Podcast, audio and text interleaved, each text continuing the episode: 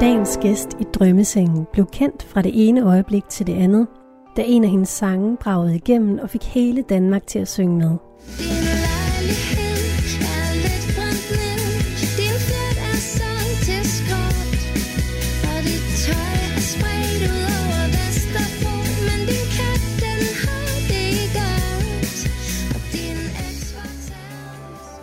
I det her program har jeg fået en psykolog til at lave en personlighedsprofil på min gæst. Og om lidt mødes vi på Helgenes for at finde ud af, om hun kan genkende sig selv i den profil, hun har fået lavet. Mit navn er Katrine Hedegaard. Du lytter til Radio 4 og portrætprogrammet Drømmesengen.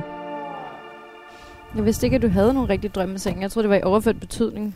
Nej, nej. Er vaskeægte. det er herinde. Ej, hvor hyggeligt. Total sommerhus. Så, Skal jeg tage den der? Jeg kan godt have det. kan du? Have dem begge to, ja. Fedt. Jamen, øh, Sys Bjerre. Hvor er vi henne nu? Vi er på Helgenes. Det er mine Helgenes. bedsteforældres sommerhus. Her er mega hyggeligt. Sådan et lille sort hus med havudsigt. Ja, det er jo det gode ved det her område, at det er så kuperet. Ja. At der kan ligge faktisk rigtig mange sommerhus, uden at man kigger hinanden i nakken. Ja.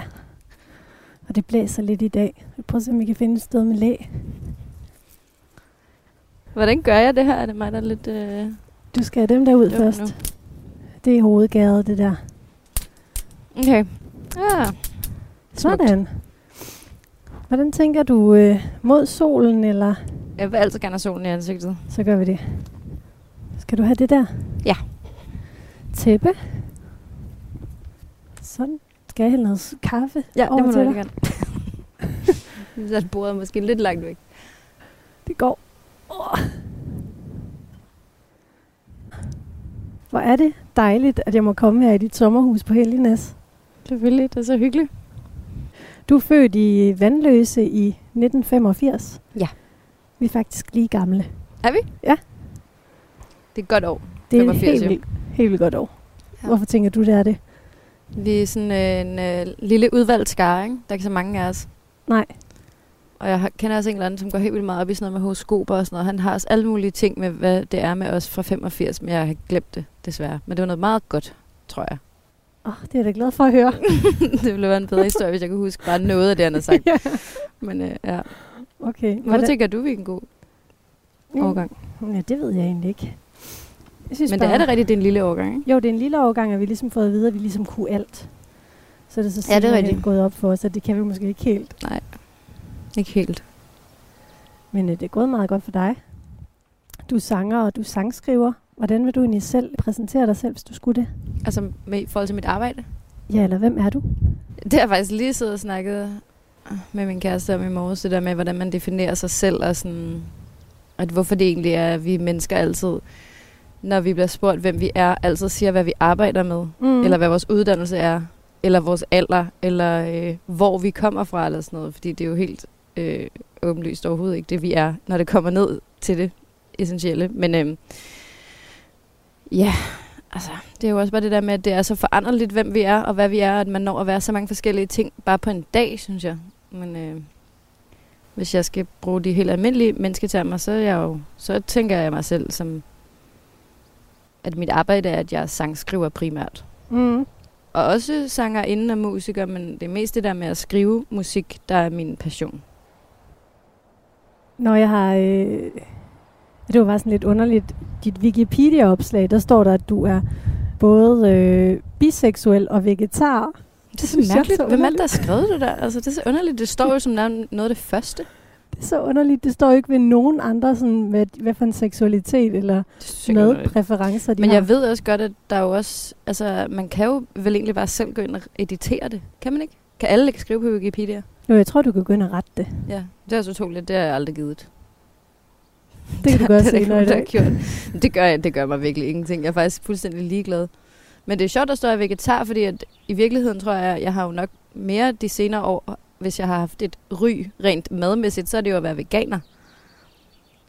Det Ja. er ligesom en ting, har, har jeg lagt mærke til, at der er mange, der siger, når de hører mit navn. Er sådan, Nå, hun er veganer. Det, der, da jeg var med i Melodi Grand Prix og sådan noget, så er det sådan noget, folk vidste. Men det er jo så fordi, at veganerne i Danmark er sådan en meget øh, lille gruppe af mennesker, som er gode til at gøre opmærksom på sig selv. Og så tror jeg også, fordi jeg har spillet til sådan nogle veganerfestivaler og sådan noget. No. Øh, så det er bare meget sjovt at stå vegetar. Men jeg tror, det er noget, der er nogen, der har skrevet for lang tid siden.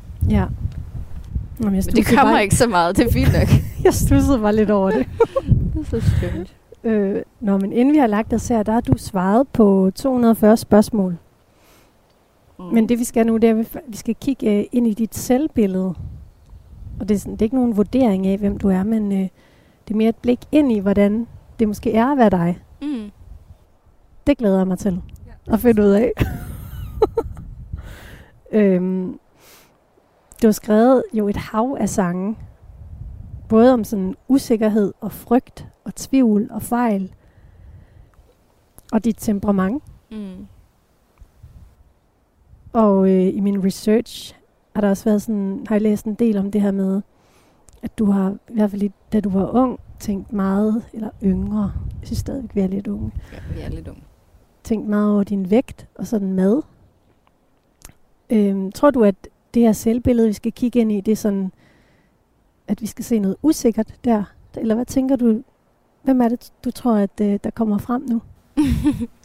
altså, øh, jeg tror helt klart ikke, at øh, vi finder den der øh, sys fra 2008, som skrev om øh, jalousi og raseri og usikkerhed og angst og sådan noget. Jeg skriver jo stadigvæk om mange af de der emner, fordi det interesserer mig, men jeg har virkelig brugt meget tid og energi på at transcendere mange af de der sindssyge øh, programmer, jeg fandt ud af, der kørte i mit underbevidste sind, og som var alle dem, der var i gang med at spænde ben for mig hver eneste dag i mit liv på planeten. Så det har jeg faktisk, det er en meget bevidst proces, som jeg har gået dybt ind i med mig selv. Og med hjælp fra også andre øh, vise mennesker omkring mig, heldigvis. Fordi jeg tror, det er svært at gøre sådan noget der helt alene. Men, men det var ligesom også det, vi startede med at sige, at sådan, man når at være mange forskellige mennesker i løbet af sit liv. Der er mange forskellige stadier, og for mig at se, at det hele jo ligesom en lang rejse, eller det bliver i hvert fald mere og mere tydeligt for mig, at det, det, det er for mig. Så jeg er mile, milevidt, heldigvis, fra øh, hende der med Malene-sangen, som jeg elsker, og har givet så mange mentale krammer sidenhen, fordi jeg, det er virkelig, ej, hun havde det virkelig svært meget af tiden. Og hvis jeg skal se på mig selv nu, så har jeg det bare utrolig let, utrolig meget af tiden. Og det er jeg ikke kommet sovende til, men det har heller ikke været særlig kompliceret i virkeligheden, og det har heller ikke taget særlig lang tid. Nu lyder det som om det er sådan noget, nu har jeg arbejdet intenst på mig selv i, i siden 2008. Det har jeg faktisk overhovedet ikke. For det er først fem år siden, det gik op for mig, at jeg overhovedet kunne gøre noget som helst. Jeg troede, det var et livsvilkår, at man bare skulle være bange hele tiden, og have det dårligt hele tiden. Fordi jeg så mig omkring, og jeg så bare så mange mennesker, som havde det bare virkelig dårligt. Som er ensomme og stressede, og bliver syge fysisk, og hader sig selv intenst hver eneste dag. Og det var lige pludselig, gik det op for mig, at sådan behøver det ikke at være. Det er faktisk ikke et livsvilkår, og man kan gøre noget ved det. Og så, så er det ligesom med det, altså jeg blev så interesseret i det selvfølgelig, fordi jeg fandt ud af sådan, gud, jeg kan selv få det bedre. Og måske kan jeg også hjælpe andre til at få det bedre.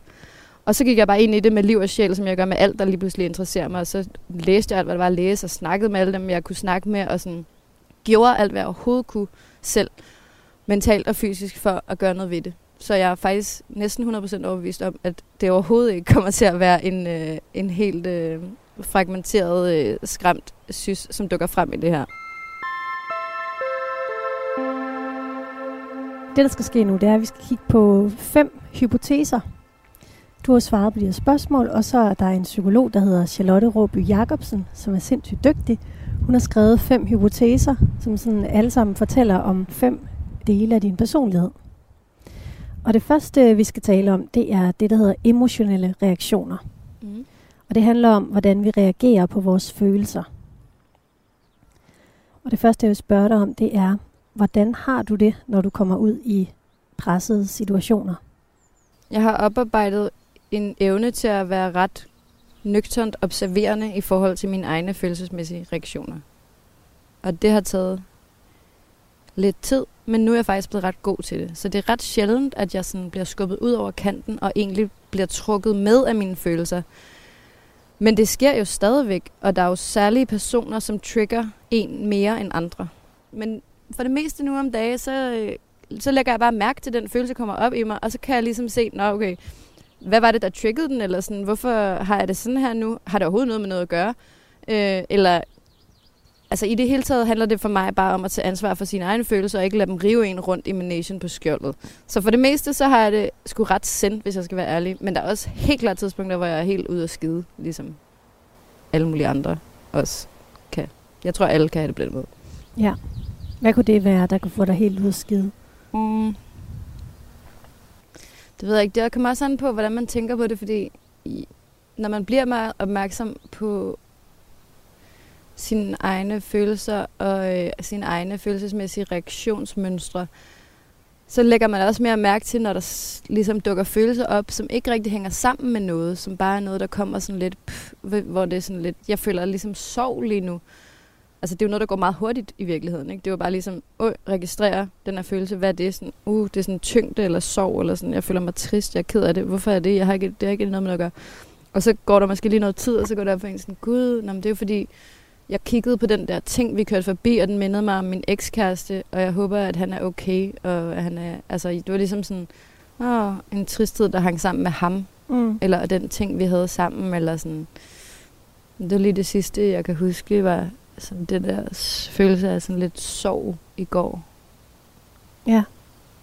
Men det var, det var ikke noget med nogen, der gjorde noget. Det var bare min egen hjerne, der gik hen i sådan en tidligere tidslinje, jeg havde haft med ham. Ikke? Og sådan den der følelse af, åh oh gud, kan vide, om han egentlig er okay. Jeg ved, mm. hvordan han har det.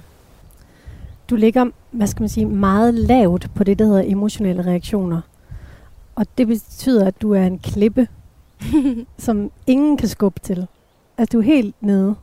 Findes der noget, der kan skubbe til, til den klippe der? ja, ja, jamen det er der jo. Altså, øh, jeg kan da også sagtens blive irriteret stadigvæk over øh, visse personers reaktioner, men det er meget sjældent. Mm. Men jeg tror, jeg lige læser lidt op for dig. Ja. Sys hviler i sig selv og er følelsesmæssigt stabil. Hun møder verden og svære situationer med ro og overblik, og der skal virkelig meget til at ryste hende eller bringe hende ud af fatning. Mm. Sys upåvirkelighed kan til tider medføre, at hun undervurderer situationer og potentielle farer. Hun kan mangle føling med situationers alvor og hvad hun selv kan holde til.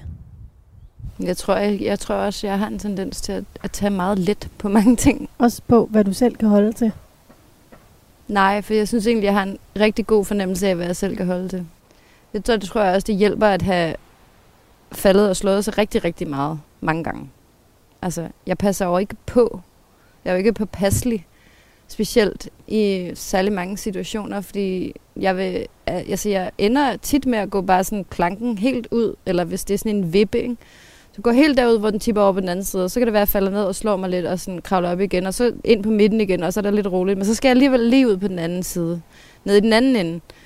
Så jeg er gået over mine grænser rigtig mange gange, mine egne grænser, og alle mulige andres grænser i øvrigt. Og det er blevet meget bedre til at lade være med nu. Både mine egne grænser og andre folks grænser. Netop fordi jeg ikke har så voldsomme følelsesmæssige reaktioner. For det er jo tit, når du er helt, helt fanget af en følelse, at du handler på en måde, som i virkeligheden overhovedet ikke er hensigtsmæssig, eller som slet ikke er din mening. Det er tit der, vi sover hinanden og sover os selv. Ikke?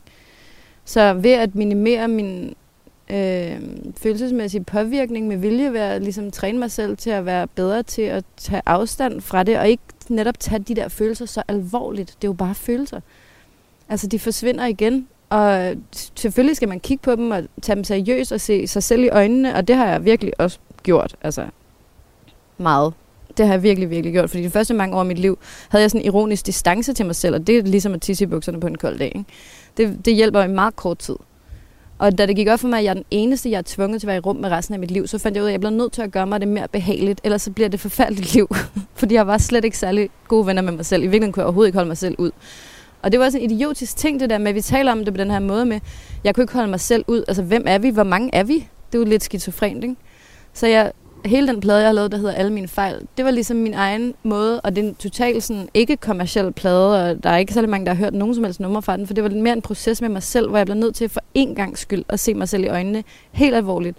Og se på alle de ting, jeg skammede mig over, og jeg var vred på mig selv over alle de ting, jeg synes, jeg havde gjort forkert. Og så ligesom tilgive det en gang for alle, og så bare give slip på det. Fordi der er ikke nogen grund til at bære rundt på alt det der. Altså, og det var ligesom der, jeg satte den der rygsæk ned og besluttede mig for, okay, jeg gider ikke bære rundt på det her mere. Og så kan det sagtens være, at jeg mig selv og andre folk over tæerne siden. Men det har været i meget mindre grad.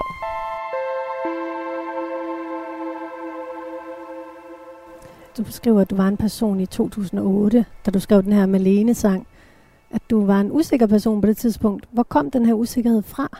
Jeg tror, vi alle sammen, altså jeg tror, det er en del af... vi kommer ikke ud af fra at leve i live, og vi kommer ikke ind øh, uden alt muligt junk, som skal ryddes op i. Og det tror jeg er en del af livsprocessen. Jeg tror, det er noget af det, vi er her for at lave. At decifrere ligesom, når, hvad vi består af, og hvad, hvem vi vil være, og så bare opleve mest muligt, og udvide os og bevæge os, og hvis vi bare var helt fuldstændig kommet ind som små sendbuddhaer, så var der jo ikke nogen bevægelse, så var vi jo færdige. Så det der med at være bange for ting, og være usikker på ting, og øh, få, have ondt, og sådan, blev der, hvor vi rykker os mest. Altså smerte og usikkerhed, og alle de der negative følelser. Det er i hvert fald min erfaring, at det ofte er et fartøj, som bringer os et andet sted hen. Eller bringer os til at være en anden person. Så det er nødvendigt at have alle de der ting, for at komme videre. Du siger det her, at du nogle gange havde været meget grænseoverskridende over for andre. Mm. Kan du komme med et eksempel på det? Men altså, den person, jeg var dengang, som vi startede med at snakke om, og hele min barndom og ungdom, der var jeg jo rasende. Altså, jeg var sindssygt sur. Jeg var sur hele mit liv jo. Jeg var sur på alting og alle, og altså sådan, jeg havde virkelig et hæftigt temperament. Og det er der, hvor den største forskel er til den, jeg er i dag. Fordi jeg fandt ud af, at jeg behøver ikke at være vred hele tiden. Jeg kan også bare vælge noget andet. Men for mig personligt, der, der gik det bare for mig, at der er altid noget at være vred over. Der kommer en kæmpe brumbas. Ja. Vil meget gerne sidde på mig. Nå, okay. Der er altid noget at være vred over, hvis man kigger det sted hen, hvor ting, der gør en vrede, er. Og der er uendelig mange ting, man kan være vred over i vores verden. Og du kan også bare kigge på Facebook eller på øh, BT's kommentarspor. Altså, så bliver du resten med det samme, medmindre du er en sten, ikke? Men du kan også bare prøve at lade være og lige holde en pause med det. Altså det prøvede jeg at gøre sådan lige, uh, prøv lige at tage et, et skridt tilbage, synes, i stedet for hele tiden og øh, finde ting, der gør dig sur. Og det var en kæmpe stor hjælp, fordi bare det med ikke at være rasende hele tiden, gjorde, at der ligesom blev frigivet noget energi og noget plads til at gøre noget andet. Øhm. Du har også svaret på spørgsmålene. Kan frustreres af småting meget uenig? Skal meget til at gøre vred meget enig? Så det er jo sådan helt omvendt af, hvem du var. Ja, fuldstændig. Ja. Jamen, det er du er vendt på en tallerken. Nå, men det var fordi, jeg glemte, hvad du spurgte om. Du spurgte om det med at overskride grænser. Og ja. der, jeg kommer fra en familie, hvor vi er meget vrede, eller alle har været meget vrede, meget gode til at udtrykke deres følelser. Der er blevet smækket med dørene og råbt og skrevet, og så er der også blevet sagt undskyld. Og sådan, der er ikke rigtig noget filter i vores familie. Så det, jeg tænkte aldrig over, at det kunne være ubehageligt for andre mennesker, at jeg viste min vrede så åbenlyst. Og jeg har også bare skældt folk ud og sådan, ikke? Altså, øh, og det fandt jeg først ud af ret sent i livet, at sådan, nå, det er jo faktisk altså, vildt grænseoverskridende for andre folk, at jeg er sådan der. Der holdt jeg bare på min ret til at, at være så voldsom, som jeg var. Og man kan sige, at i sidste ende har jeg jo gjort de mennesker en tjeneste et eller andet sted ved at træde dem over tæerne. Fordi hvis man ser det, som jeg gør i forhold til det der med, at alting ligesom... Alting hjælper alting, ikke? Mm. Så dem af mine ekskærester, som blev mest bange, når jeg var vred, de lærte også noget af det, fordi de havde nok et eller andet med deres eget forhold til vrede, som de fik set på et andet lys, fordi de var sammen med mig, som var sådan en sindssyg furie. Ikke? Men for mig personligt er det bare meget behageligt ikke at være vred hele tiden. Ja. Men det er jo også meget smart at være vred. Det er jo en meget aktiv følelse. Det kan være godt at være sur, når man støvsuger, ikke? Så går det lidt hurtigere.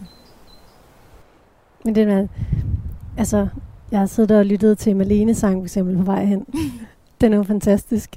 Var det ting, du kunne finde på at gøre? Altså, hvis lytterne ikke lige kan huske den, så er det den der... Din lejlighed er lidt brændt ned, og din fjert er så til skråt. jeg kan ikke helt huske den. Ja, Men, det er rigtigt. Var det ting, du finde på at gøre? Altså, når du ja, altså, det var jo inspireret af mit eget temperament primært, ikke? Ja. Øhm, og så vandrehistorier og, og historier fra folk, jeg kendte, om hvad folk havde gjort i raseri, ikke? Det er jo selvfølgelig også ligesom skrevet, sådan, så at det var nogle sjove billeder, men også så det passede sammen i sangen. Mm. Øh, jeg har ikke gjort nogle af de der ting helt præcis, som det står i sangen, men jeg kunne sagtens have fundet på det. Jeg har gjort alle mulige andre ting i raseri dengang. Mm. Kan du ikke lige, vil du ikke lige, lige synge det, det første der? Det gør du lidt bedre end mig. altså er omkvædet? Ja. Din lejlighed er lidt brændt ned. Din fjert er solgt til skråt. Og dit tøj er spredt ud over Vesterbro, men din kat, den har det godt. Katten har det godt. Det lyder dejligt. Jeg elsker dyr.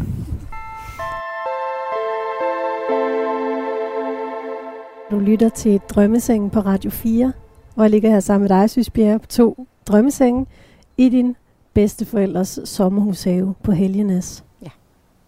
Ja. Og vi har lidt kaffe, og der, jeg tror faktisk lige, at jeg skal lige åbne min jakke lidt her. Jeg synes godt nok, der er varmt. Har du det godt? Mm, jeg har det godt. Det er godt. Vi er nået til det punkt, der hedder ekstroversion. Og det handler om den mængde energi, vi retter udad mod vores omgivelser, samt vores behov for stimulation udefra. Er du altid glad? Om jeg altid er glad? Nej, der, jeg tror ikke, der er nogen, der altid er glad. Det er jeg ikke, men jeg er meget, meget tit glad. Mm. Jeg er nok mere glad, end jeg ikke er glad. Hvordan tror du, folk opfatter dig, når du træder ind i et rum? Det ved jeg ikke. Kommer nok an på, hvad for nogle folk det er, hvad for en rum det er, hvad for en dag det er, hvad for en sys det er. Hvornår det er på dagen? Ja, det ved jeg ikke. Der var en gang, hvor jeg tænkte sindssygt meget over, hvad andre folk tænkte om mig, og det gør jeg bare ikke mere. Så det er sådan, altså, og det er også sjovt det der med at være blevet kendt, da man var ret lille, og sådan, så var man sindssygt opmærksom på det. Altså, så var der en helt lang periode, hvor, hvor jeg selv var rigtig opmærksom på, at jeg blev genkendt, når jeg gik rundt. Øhm, men nu er det så ligesom så lang tid siden, jeg har været ude med noget musik, så der er helt klart stadigvæk folk, der genkender mig, men det, det er sådan lidt mere tilfældigt, eller sådan, fordi jeg ikke fylder særlig meget mediebilledet. Og sådan. Men jeg har selv fuldstændig glemt, at jeg er kendt. Det gik op for mig for nylig. Altså, at jeg er kendt for nogle mennesker, og nogle mennesker kender mig. Fordi der er stadigvæk folk, der kommer op til mig og siger, ej, er du ikke Sys Bjerre? Eller, der er også folk, der kommer op og tror, at vi har gået i folkeskole sammen. Eller sådan, ikke fordi de bare føler, at de kender mig, hvilket jeg også selv har været ved at gøre mange gange med sådan kendte mennesker inde på strøget. Hvor gammel var du egentlig, da du brød igennem med øh, Malene sangen? Øh, 23. 23. Ja. ja. Og det skete sådan, at du blev kendt nærmest over natten. Ja, ja, det skete jo bare, fordi den der musikvideo kom ud lige der, øh, tror jeg. Det var der, jeg følte, der skete et skift, ikke? hvor folk pludselig vidste, hvordan jeg så ud. Ja. ja, så det var vildt at parte. Men det er bare ret sjovt det der med, at jeg virkelig fuldstændig har glemt det om mig selv. Og det er bare så velsignet at være blevet fri for den der konstante øh, kiggen på sig selv udefra, som vi jo, altså, om man er kendt eller ej, så er vi altså i et samfund, hvor det er en voksende tendens, ikke? fordi folk har så mange øh, smartphones, og hele tiden skal tage billeder af sig selv, og altså, folk har i det hele taget øjne på sig selv udefra, næsten konstant. Og det tror jeg er ret usundt i længden. Og det er jeg virkelig, virkelig glad for, at jeg har givet slip på. Jeg tror, det er meget, altså jeg tror, der er en mening med, at vores øjne sidder der, hvor de sidder, og at man ligesom ikke kan se så meget af sig selv, vel? Man kan bare se noget af forsiden og sine forben og sine bagben. Og så selvfølgelig, hvis der er et spejl, kan man se sig selv. Men ellers så kigger vi primært på andre folk. Ellers så tror jeg, at øh, hvor herre havde givet os nogle øjne på stilke, som snegle. det er virkelig godt. Det er godt tænkt. Skal du have mere kaffe? Ja, tak. Den er måske lidt kold, men det gør Ja. ja. ikke så meget. Tak. Jeg læser lidt op for dig under ekstroversion. Sys er utrolig varm og imødekommende. Hun er karismatisk og møder mennesker med en positiv og smittende energi. Man er ikke i tvivl om, Sys er i rummet, og hun søger i høj grad sociale relationer, som hun også har nemt ved at skabe. Sys har fart på, og der sker oftest meget omkring hende. Hun søger indflydelse og ved, hvad hun vil. Sys skal svært ved at være alene og sænke tempoet. Det er sjovt. Har du lidt svært ved at være alene? Nej, det har jeg faktisk overhovedet ikke. Jeg Nej. elsker at være alene. Men dengang jeg var yngre, havde jeg rigtig svært ved at være alene. Mm. Det er klart, altså dengang, hvor jeg var meget mere usikker, meget mere bange for alle mulige ting, der var det sindssygt svært at være alene. Det kunne jeg næsten slet ikke holde ud. Mm. Øh, og jeg kender så mange piger, primært piger, som har haft det på samme måde. og det, jeg tror, der er så mange mennesker, der frygter det, der foregår inde i dem selv, så meget, at de vil næsten gøre hvad som helst for at slippe for det. Og sådan havde jeg det også selv, altså ikke sådan på den måde så bevidst, som jeg formulerer det nu, og sådan at, tror jeg overhovedet heller ikke, at der er særlig mange mennesker, der tænker på det. Men det er jo fordi, vi tror, at der er alle mulige dæmoner i vores indre, eller sådan, vi ved jo, fordi vi har nogle få gange i løbet af vores liv nok ligesom været faldet ned i det der hul, hvorfra alt bare ligner død og ødelæggelse. Ikke?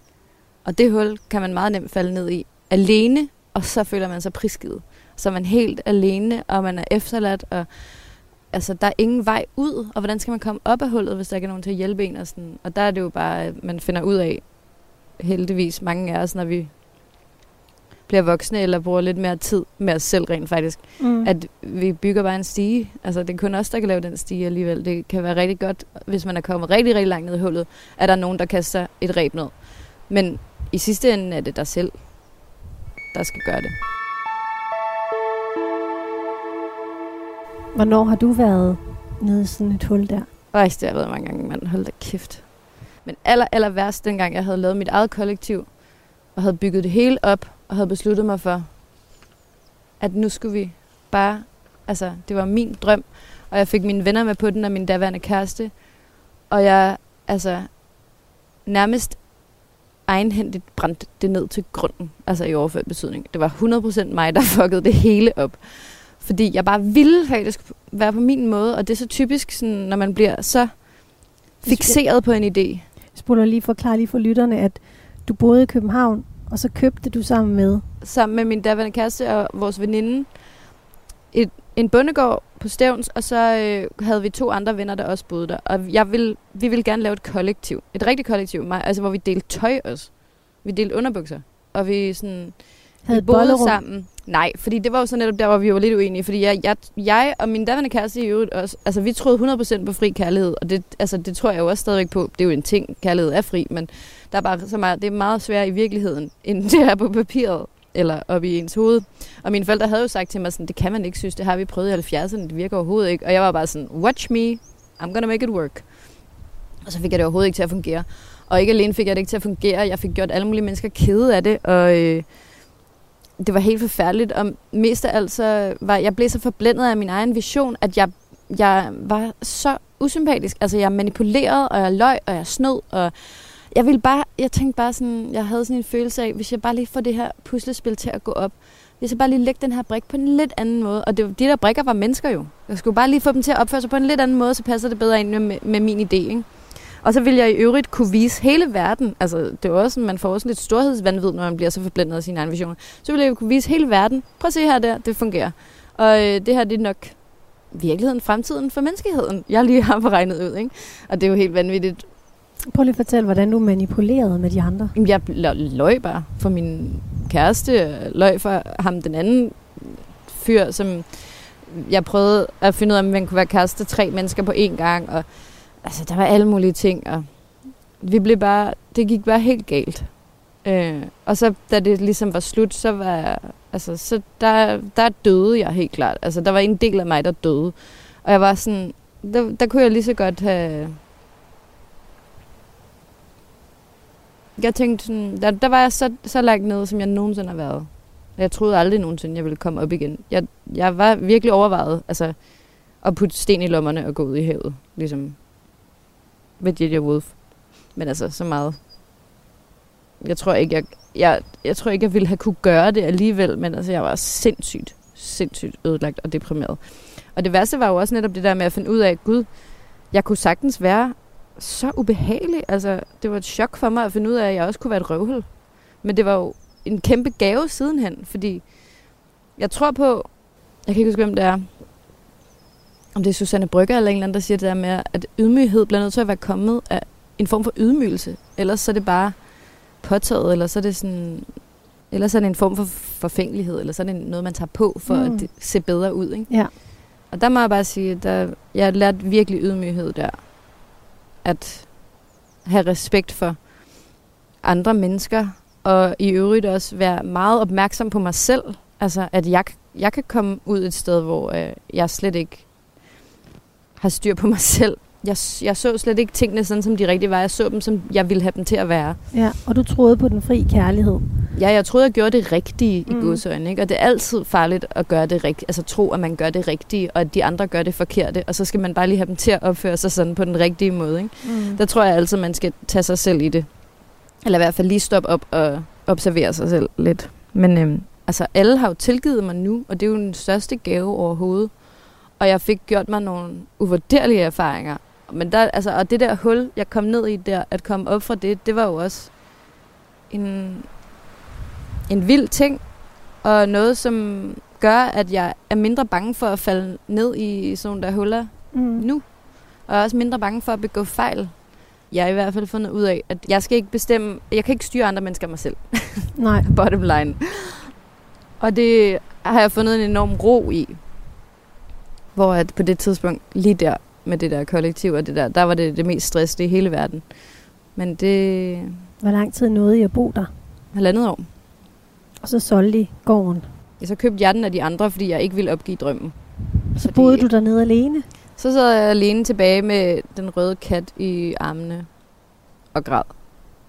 Og så tænkte jeg, det går jo ikke. Jeg kan ikke gøre det her. Jeg kan ikke starte forfra med nogle andre mennesker. Det, det var slet ikke, altså, jeg var allerede, jeg var allerede gået helt i stykker der.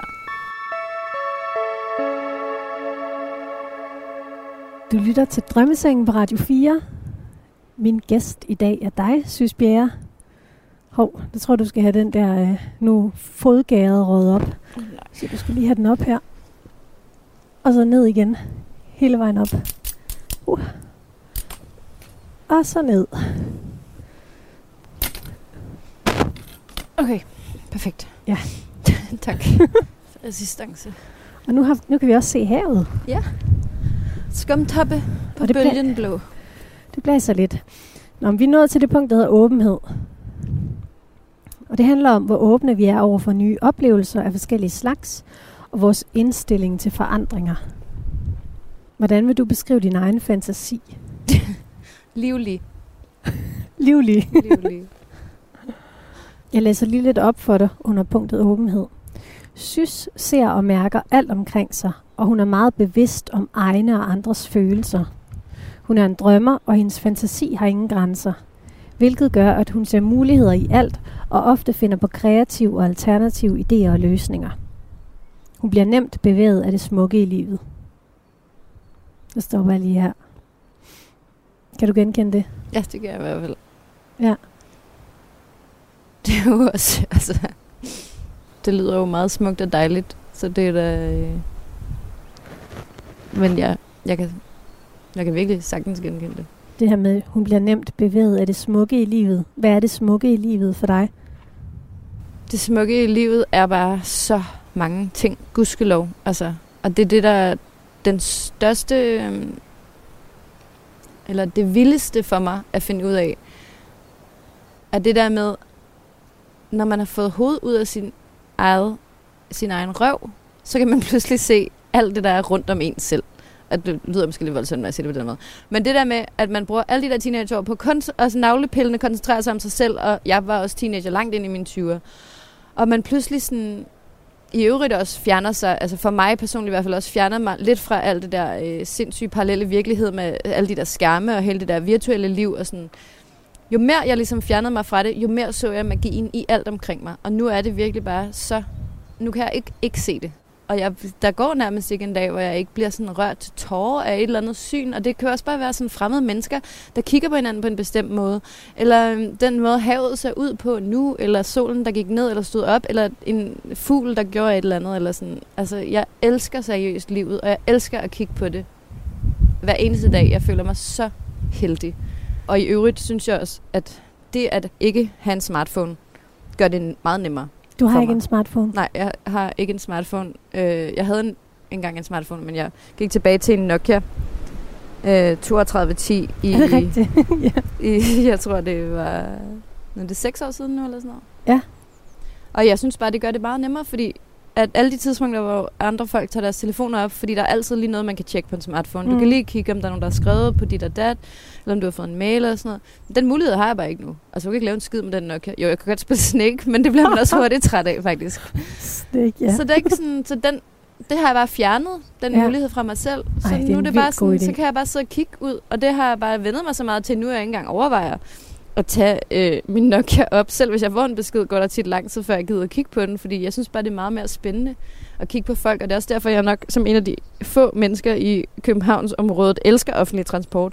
Fordi det er virkelig et af de steder, hvor jeg får allermest inspiration, fordi der er så mange mennesker, der er så meget liv, og vi er så... Øh, man kan bare opleve så meget på en tur. Altså selv i metroen, der kører under jorden, altså hvor der ikke engang er særlig meget at kigge ud på, så er der stadigvæk masser af ting at se. Og det, det er virkelig altså, en uendeligt spændende verden, synes jeg, når man først begynder at se den på den måde. Jeg skal lige fortælle dig, at altså, vi er jo i gang med det her punkt, der hedder åbenhed. Mm. Og her springer du faktisk skalaen for, hvad man kan måle i profilen. Hvad betyder det? Det betyder, at din åbenhed, den er ekstremt høj. du er simpelthen så åben. Men det er fordi, jeg, er bange for, jeg ikke er bange for øh, at blive dømt mere. Hvordan har folk. du det med rutiner?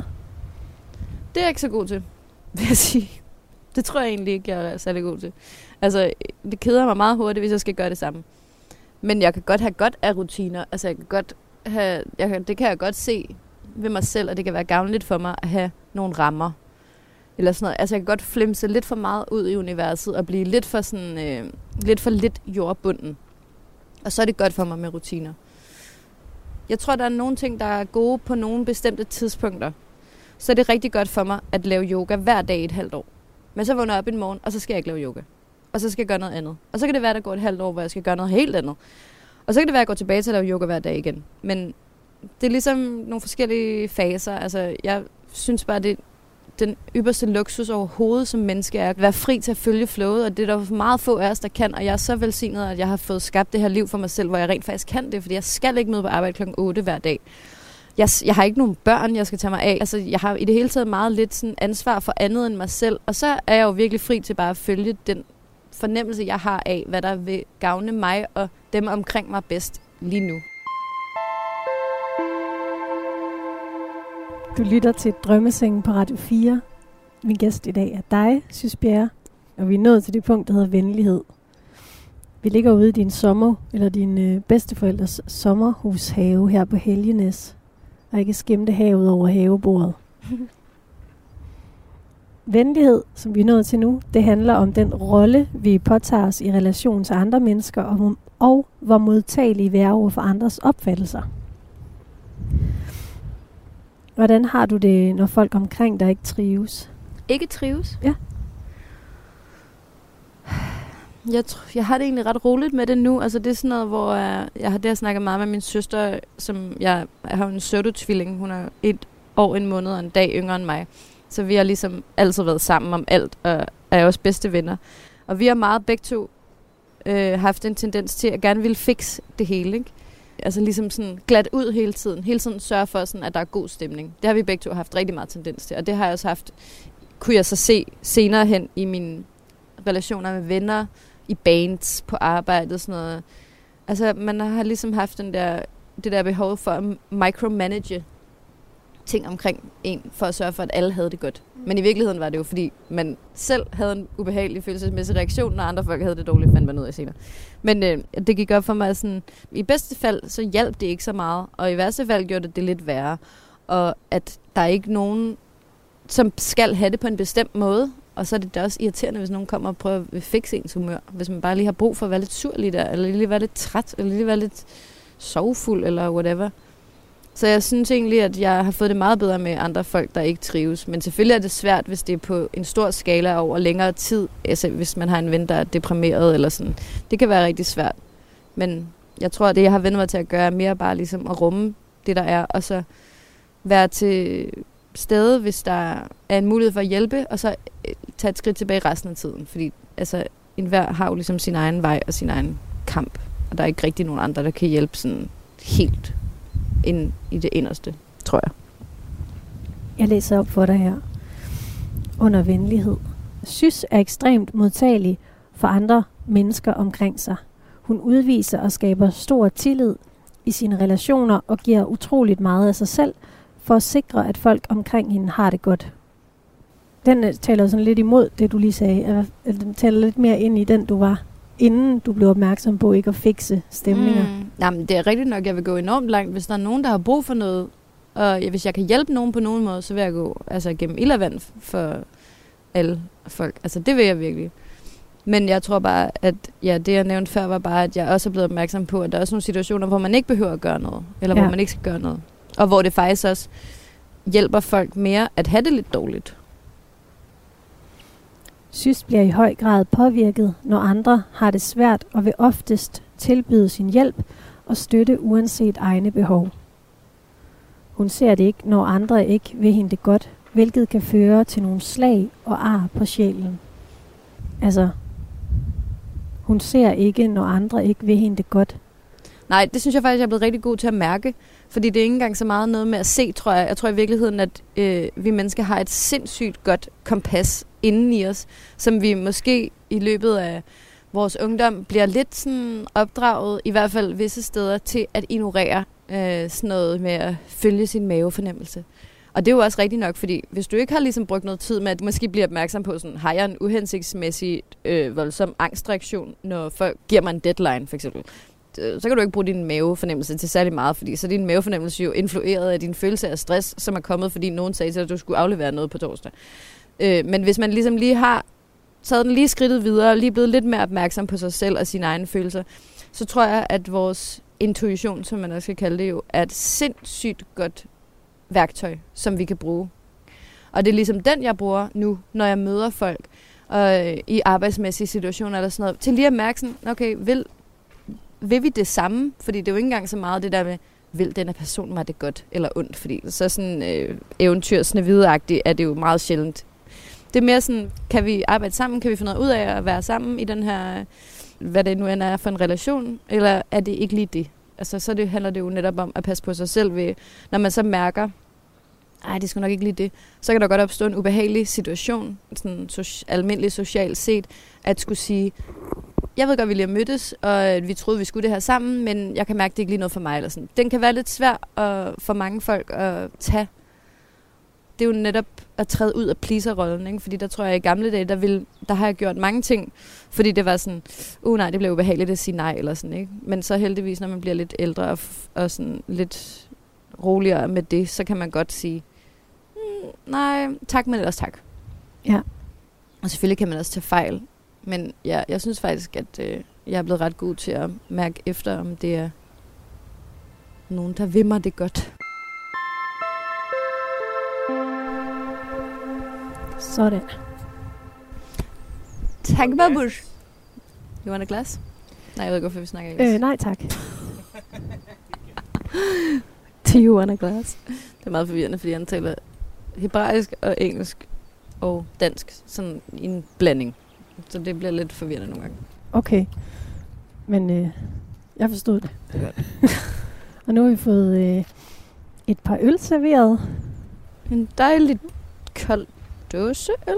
af din forlovede. Ja, men det går stærkt, ikke? Du har en forlovelsesring. Mm. Og vi havde fire måneders dag i går. Nu blandt Men vi har kendt hinanden i 17 år.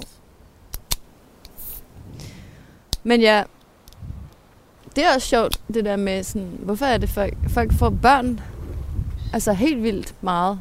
Men når man så siger, at man vil gifte, så er de sådan, uh, ej, det virker lidt voldsomt, ikke? Det er sådan, du, du har jo fået bør- børn med den der person, du er tvunget til at være sammen med dem nu resten af dit liv. Eller i hvert fald på en eller anden måde finde ud af det sammen. Men det der med at blive gift er sådan lidt, uh, ej, ej, ej, det er lidt crazy. Jeg synes, det er romantisk. Hvor mødte I hinanden henne? Mig David? Ja. Jamen, vi har været venner i 17 år. Ja, det var det, du sagde. Det var ham, der øh, fik mig til at begynde med at lave musik. Nå. Fordi øh, vi, øh, vi lavede bare musik op i en lejlighed på Vesterbro. Sådan noget, altså vi havde først lige fundet ud af, for jeg kommer fra en familie af klassiske musikere, så jeg, har slet ikke, jeg var slet ikke vant til rytmisk musik overhovedet på det tidspunkt. Og de der drenge deroppe, David og Jakob, som jeg siden han var kærester med, Philip, som jeg siden han var kærester med, ja, øh, og nogle andre gutter, vi, øh, vi lavede musik på en computer med sådan en M-box, og fandt ud af, at sådan, wow, man kan indspille en guitar, og så kan man indspille en anden guitar og lægge den ovenpå. Og man kan indspille sin vokal to gange, og så man kan lave anden stemmer på sig selv. Det var bare mindblowing, ikke? Ja. Men øh, ja, David sagde bare sådan, du skal bare lave musik, fordi mine forældre sagde, du skal ikke bare lave musik, fordi de havde jo gået på konservatoriet, og de underviser i musik, ikke? De ville gerne have været solister. Men min mor blev alt for nervøs, og min far, ja, alle mulige ting, ikke? Så det var sådan, du kan godt prøve at komme ind på konservatoriet og sådan noget, og beskæftige dig med musik, men du skal være klar til at undervise i det, fordi du kan nok ikke få en karriere som solo, noget som helst. Og så tænkte jeg, fuck det, jeg gider ikke undervise, så det skal jeg ikke. Men så sagde David, du skal bare lave musik. Og så tænkte jeg, nå, okay, det kan godt være, man skal give det et skud alligevel. Og jeg havde lige været i Nepal, så jeg kom hjem derfra og sagde til ham, du skal tage ud og rejse du bliver vild med det. Og så har han været ude at rejse i de 17 år siden. Vi så hinanden sidst. Så man kan sige, at vi sendte hinanden ud på nogle rimelig store eventyr. det må du nok sige. Og nu er han kommet hjem, og nu er I blevet forlovet. Ja, ej, der er en, mange mellemhistorier der. Men det kan være, at vi skal gå tilbage on track. Og han har lige serveret os en øl. Skål. Mm. Skål, det er så hyggeligt. Vi er nået til det sidste punkt, der hedder samvittighedsfuldhed. Og det handler om, hvor stærk vores beslutsomhed er, og hvor stort vores drive er i forhold til at nå vores mål. Det var spændende. Der vil jeg starte med at spørge dig, hvem styrer din skæbne? Jeg tror på, at jeg er medskaber sammen med alt andet, der er. Men jeg tror også på, at der er en... Jeg tror, at vi er en del af en, et, en større helhed, og jeg tror, vi har meget mere frihed og meget mere øh, mulighed for at skabe, end vi tror, når vi kommer ind, ligesom på, eller kommer frem, eller hvad man siger. Øhm, men jeg tror ikke... Altså, jeg tror, vi har fri vilje. født, eller? Altså, jeg, vi har jo fri vilje til en vis grænse, ikke? Fordi jeg tror også, der, der er nogle ting, som... Hvis man tænker på det som et manuskript, altså sådan... Så det kan jo godt nogle gange føles som om, at man er hovedpersonen i en eller anden idiotisk sitcom, og man har ikke selv skrevet replikker, og man kan ikke finde ud af, hvordan man skal opføre sig. Ja, det manuskript er vi selv med til at skrive, og vi kan ændre det hele tiden med de valg, vi træffer.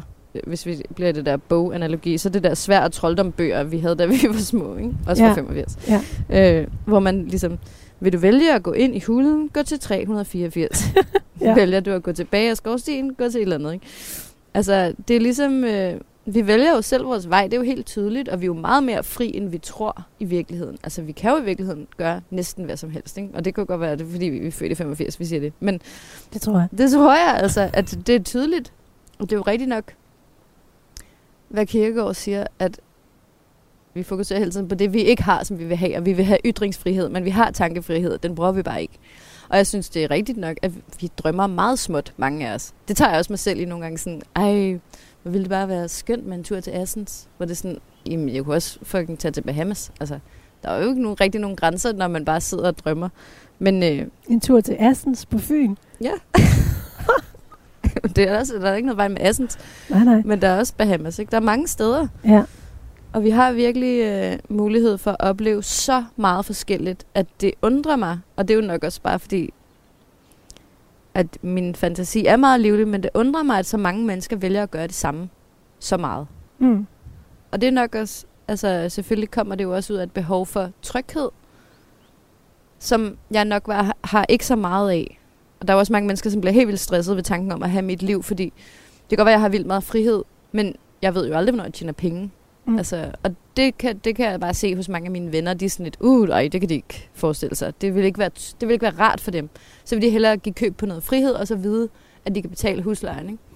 Og så er det jo bare, at jeg har fundet ud af, at man kan bare ja, man kan ikke bare, men man kan gøre sig umage for at sørge for at have for eksempel nogle faste udgifter, som er så lave som muligt. Så at man ikke behøver at stresse så meget over huslejen, for eksempel. Ikke? Små skruer, man kan skrue på i sit almindelige liv, og så ligesom øh, bevæge sig ud af en bane, hvor, jeg ved, hvor den ender, I don't know. Lige nu er jeg jo sådan lidt, jeg ved ikke engang, om jeg skal bo i Danmark. Jeg ved, øh, jeg ved faktisk ikke særlig meget. Altså, jeg har mine ting i 10 flyttekasser hjemme hos mine forældre, ikke? Og jeg bor hjemme hos dem. Og når jeg siger alle mine ting, så er det jo bare mine romaner. Det er bare mine bøger. Jeg har altid elsket at læse, og jeg har sindssygt mange bøger, og jeg elsker mine bøger. Men det er det eneste ting, jeg har holdt fast på. Jeg har jo givet mine ting væk af mange omgange i, i mit liv. Og da jeg flyttede fra kollektivet, så lod jeg alt stå. Altså, jeg tog ingenting med mig, udover Nå. mine bøger. Og mine instrumenter, og lidt af mit tøj. Og resten gav jeg væk. Og det har jeg gjort Købt det. ja, til mine venner. Jeg sagde bare til alle mine veninder, kom og tag det tøj, I vil have. Og jeg sagde til min ekskæreste og de andre, der havde boet, at tage de møbler, I vil have. Og så gav jeg resten til dem, der købte gården. Fordi det har bare været... Jeg havde ligesom bare ikke... Jeg har det godt med at have meget få ting nu. Det trives jeg rigtig godt med. Jeg har ovenikøbet overvejet, om jeg skulle give mine bøger væk. Men det er også lidt åndssvagt, fordi hvis jeg nu en dag skal have et rigtigt hjem hjem, så gad jeg godt have mine bøger. Så nu har jeg fået lov til at stille dem hjemme hos mine forældre. Men udover det, så har jeg jo bare fundet ud af, at jeg er helt fri. Hvorfor faktisk bor ikke du nogen, der siger- med dine øh, forældre nu? Det er fordi, jeg ikke ved, hvor jeg skal være. Eller hvor jeg er på vej hen. Altså, nu har jeg jo lige været i Portugal. Og nu tager jeg til Portugal igen om lidt. Fordi det var lidt... Måske skulle jeg bo der. tænkte jeg, i Portugal. Men det kan også være, at jeg skal bo et andet sted. Hvorfor i Portugal? Mm, det hang lidt sammen med... Øh, ja, det er sådan nogle forskellige tilfældigheder egentlig, men altså... Det er jo bare det der med at finde ud af, hvor fri man egentlig er. Ikke? At man jo rent faktisk godt kan bo i et andet land. Altså, det er jo vildt fedt. Men du føler dig ikke rodløs? Altså, du siger det der med, at du ved ikke, hvad du skal, du ved ikke, hvor du skal hen. Nej, overhovedet ikke. Fordi Du trives med det. jeg tror bare, det er det der med at have fundet den der tryghed i at kunne stole på sig selv og føle sig rodfæstet i sig selv. Altså med den, jeg er. Og det kan jeg være alle steder og med alle mulige folk, fordi ligesom jo stærkere ens fundament er med ens selv, jo mere kan man modstå af sådan blæst rundt omkring en, ikke? Øhm, jeg vil lige øh, læse op for dig her under samvittighedsfuldhed. Der er det sidste punkt. Mm. Sys styrer sin egen skæbne og arbejder hårdt, struktureret og disciplineret for at nå sin mål. Gør du det? Jamen det var derfor, jeg sagde, at det var interessant, fordi at i hele den her proces med den der med at ligesom frigøre sig fra nogle af sine egne øhm, begrænsninger, der har jeg haft en lang periode, hvor jeg har været sådan lidt altså, grænsende til uambitiøs. Hvor jeg selv har været lidt sådan, jamen, hvad er det egentlig, jeg vil, eller hvad er det, jeg laver? Hvis jeg bare skal være så sind, at jeg bare skal sidde... Øh, i, og det, det er nok at have solen i mit ansigt, og en kold øl, og øh, en sød person at snakke med, så kommer jeg jo aldrig nogen steder hen. Eller så, så bliver jeg sådan lidt forvirret over mig selv. Sådan, hvad er det, du vil? Du har jo ingen ambitioner, synes. Eller sådan, du, hvad, du brænder ikke for noget. Men jeg synes egentlig, sådan, det var en sjov fase at være i. Det var lidt som om, det var sådan en detachment fra mange af de der materialistiske ting, og en bestemt måde at gøre tingene på. For jeg kan mærke det ved at vende tilbage nu, at der helt klart er ting, jeg gerne vil. Men det er på en lidt anden måde. Det er ikke så konkret, at sådan, jeg vil gerne øh, spille grøn koncert. Øh, sådan, det er jeg fuldstændig ligeglad med. Altså, øh, nu ved jeg ligesom, at på en anden måde har jeg ambitioner. Det er bare ikke, øh, jeg er ikke helt så konkret. Og så vil jeg sige, ja, jeg, når jeg så ved, hvad jeg vil, så arbejder jeg hårdt og målrettet for at nå derhen. Og holder nogle pauser, når jeg ikke gider arbejde hårdt og målrettet. Ved du, vi er faktisk nået igennem det, jeg havde på programmet, sådan stort set. Altså, jeg vil gerne, der er faktisk mange spørgsmål, jeg ville have stillet dig mere, men øhm, programmet kan kun være 55 minutter langt. Ja, vi kom vidt omkring allerede. Jamen virkelig, og ja, psykologen sagde sådan til at starte med, at, at overskriften sådan kunne være, kan man fange sys i tanker, følelser og idéer? Og det er faktisk også den følelse, jeg har lidt sådan, har jeg fanget dig? Fordi der var så meget. ja. Men jeg synes, jeg har i hvert fald fanget en god del af dig. Hvordan synes du selv, det har været? Jeg synes, det har været hyggeligt og sjovt, men jeg har det ligesom, man altid har det efter sådan nogle lange snakke eller sådan noget her, hvor det er sådan, jeg ved ikke engang rigtigt, hvad vi har sagt, eller hvad jeg har sagt, eller sådan. Jeg har også bare, altså, jeg synes bare, jeg, jeg får mere og mere lyst til at spørge sådan, jamen hvad med dig? Eller sådan, jeg vil gerne høre, hvad Katrine synes, eller hvordan du har det med alle de ting, vi har snakket om. Det er, sådan, det, det er altid sjovt, og sådan, det er jo det, der er lidt kedeligt ved et interview, at det er mest mig, vi snakker om. Men jeg synes, at jeg, jeg føler, har i hvert fald en helt klar fornemmelse af, at vi er kommet vidt omkring, og jeg tænker, puha, jeg kan godt det ikke er mig, der skal klippe det, fordi jeg ved ikke, om det kommer til at hænge sammen overhovedet. Øh, altså mine svar, fordi at du har jo styr på din del af det, men øh, ja, det har i hvert fald været hyggeligt. Og har du kunne genkende det, jeg har læst op? Sådan der hypoteser? Ja, ja, jamen det synes jeg bestemt. Det er meget sjovt, at... Øh, ja, jeg tror, fordi det der med at være kommet hen på den anden side af mange af de der ting, vi har snakket om, at så er det lang tid siden, jeg egentlig har reflekteret over det, mm. og over processen omkring det. Så det har været meget sjovt lige at komme i tanke om, altså, ja, hvad der, hvor meget der egentlig er sket i sådan ens korte liv med ens persona. Synes, Bjerre. Tusind tak, fordi du vil være med. Tak fordi jeg måtte være med, det var hyggeligt. Skal vi pakke de her drømmesenge sammen? Må vi hellere. Hvis jeg kan finde ud af det. Ja. Ej, er det forkert nu? Jeg tror, du skal have hovedgaden ned først. Sådan der. Ah. Du har lyttet til portrætprogrammet Drømmesengen på Radio 4. Tak til psykolog Charlotte Råby Jacobsen, der stod for analysen af musiker Sys Bjerres personlighedsprofil. Musikken i programmet var komponeret af Steffen Nordenstam, og Jejs Nørgaard Alstrøm stod for redigeringen. Du kan finde det her program og alle de andre drømmesengsprogrammer i den app, du bruger, når du finder dine podcasts. Mit navn er Katrine Hedegaard. Tak fordi du lyttede med.